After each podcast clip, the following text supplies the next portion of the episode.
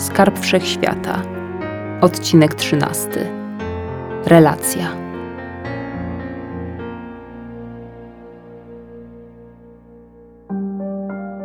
To był najkrótszy i najdziwniejszy kongres w dziejach ludzkości.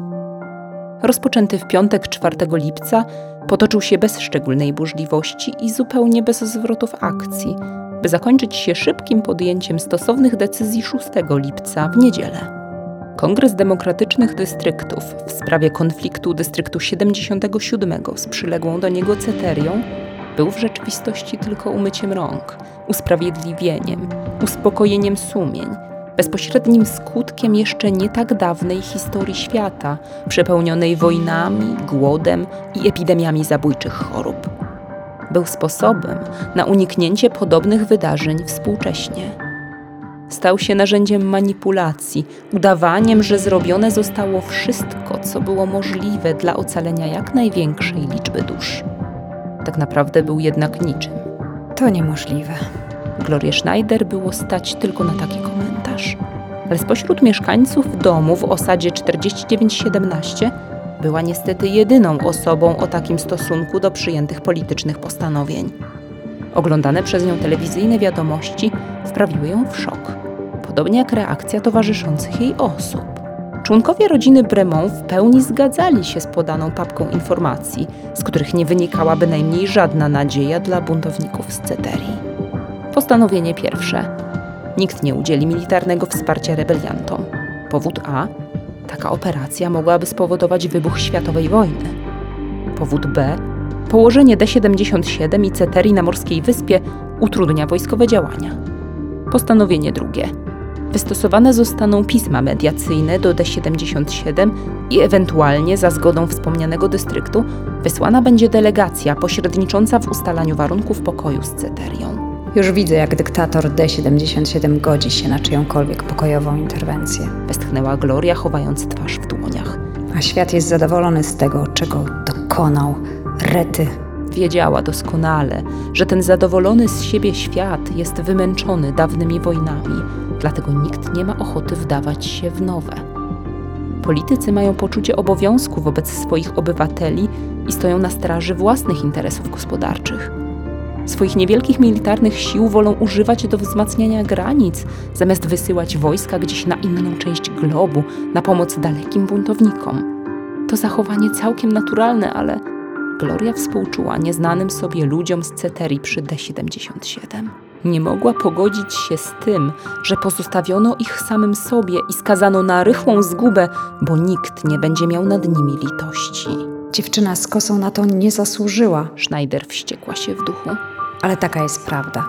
Jej mały legion nie ma szans w dłuższych starciach z dystryktem. Jest jeszcze nadzieja, że. Na kongresie było przecież kilka głosów popierających rebelię. Obok dystryktu 80, który miesza się w każdą światową aferę, rozbrzmiał jeszcze jeden znaczący głos, choć tak niewiele warty pośród tylu głosów przeciwnych. Głos potężny, a zagłuszony jazgotem głosów pomniejszych. Głos nadziei, która poddała się zatwardziałości serc pozostałych. Głos dystryktu Zero, najbogatszy i największy, liczący się na arenie międzynarodowej jak żaden inny. Inicjator kongresu został mimo wszystko przegłosowany. Ale może on zechce pomóc? Zastanawiała się Gloria, dostrzegając drobne światełko w ciemnym tunelu. Niech nie patrzy na pozostałych idiotów. No, to teraz wszystko się ułoży. Powiedziała Paola Bremont.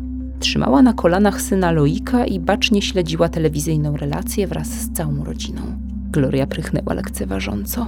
Jasne. Teraz to dopiero widać, jak wszyscy boją się zaatakować którykolwiek z totalitarnych dystryktów, bo ich wielgachne zapotrzebowanie na broń i surowce napędza światową gospodarkę. Nasza wielka demokracja robi biznes na handlu z nimi i będzie tego pilnować. W życiu nie ruszy się, żeby coś zmienić. Czas przejrzeć na oczy. Dwa obozy ze sobą nie walczą, tylko utrzymują się nawzajem. Szkoda tylko, że cierpią na tym niewinni ludzie. Reszta milczała. Schneider miała rację, choć nie całkowitą. Prawda leżała gdzieś po środku i dawno temu zaginęła w gąszczu delikatnych i ścisłych powiązań polityczno-ekonomicznych. Zaginęła wraz z pojęciem o podstawowych prawach pojedynczego człowieka, zastąpionych racją stanu. Tymczasem dziadek Thierry, ulokowany jak zawsze w swoim fotelu i dzierżący w ręku władzę zwaną pospolicie pilotem do telewizora, zmienił kanał, chcąc zakończyć niewygodny monolog Glorii. Trafił jednak na stację podobnego typu. Nowa telewizja z siedzibą w dystrykcie numer 80 zainwestowała w nowoczesne, zdalnie sterowane, latające urządzenia zwiadowcze z wbudowanymi kamerami i wysłała je na teren dystryktu 77. Już pierwsza próba takiego działania zakończyła się niespodziewanym sukcesem. Maszyny zdołały sfilmować bitwę, jaka 3 lipca rozegrała się na granicy z Ceterią. Dzisiaj stacja zdecydowała się w końcu pokazać całemu światu dokumentację niezwykłych wydarzeń tamtego dnia. Gloria Schneider patrzyła w ekran z niedowierzaniem, rodzina Bremont także.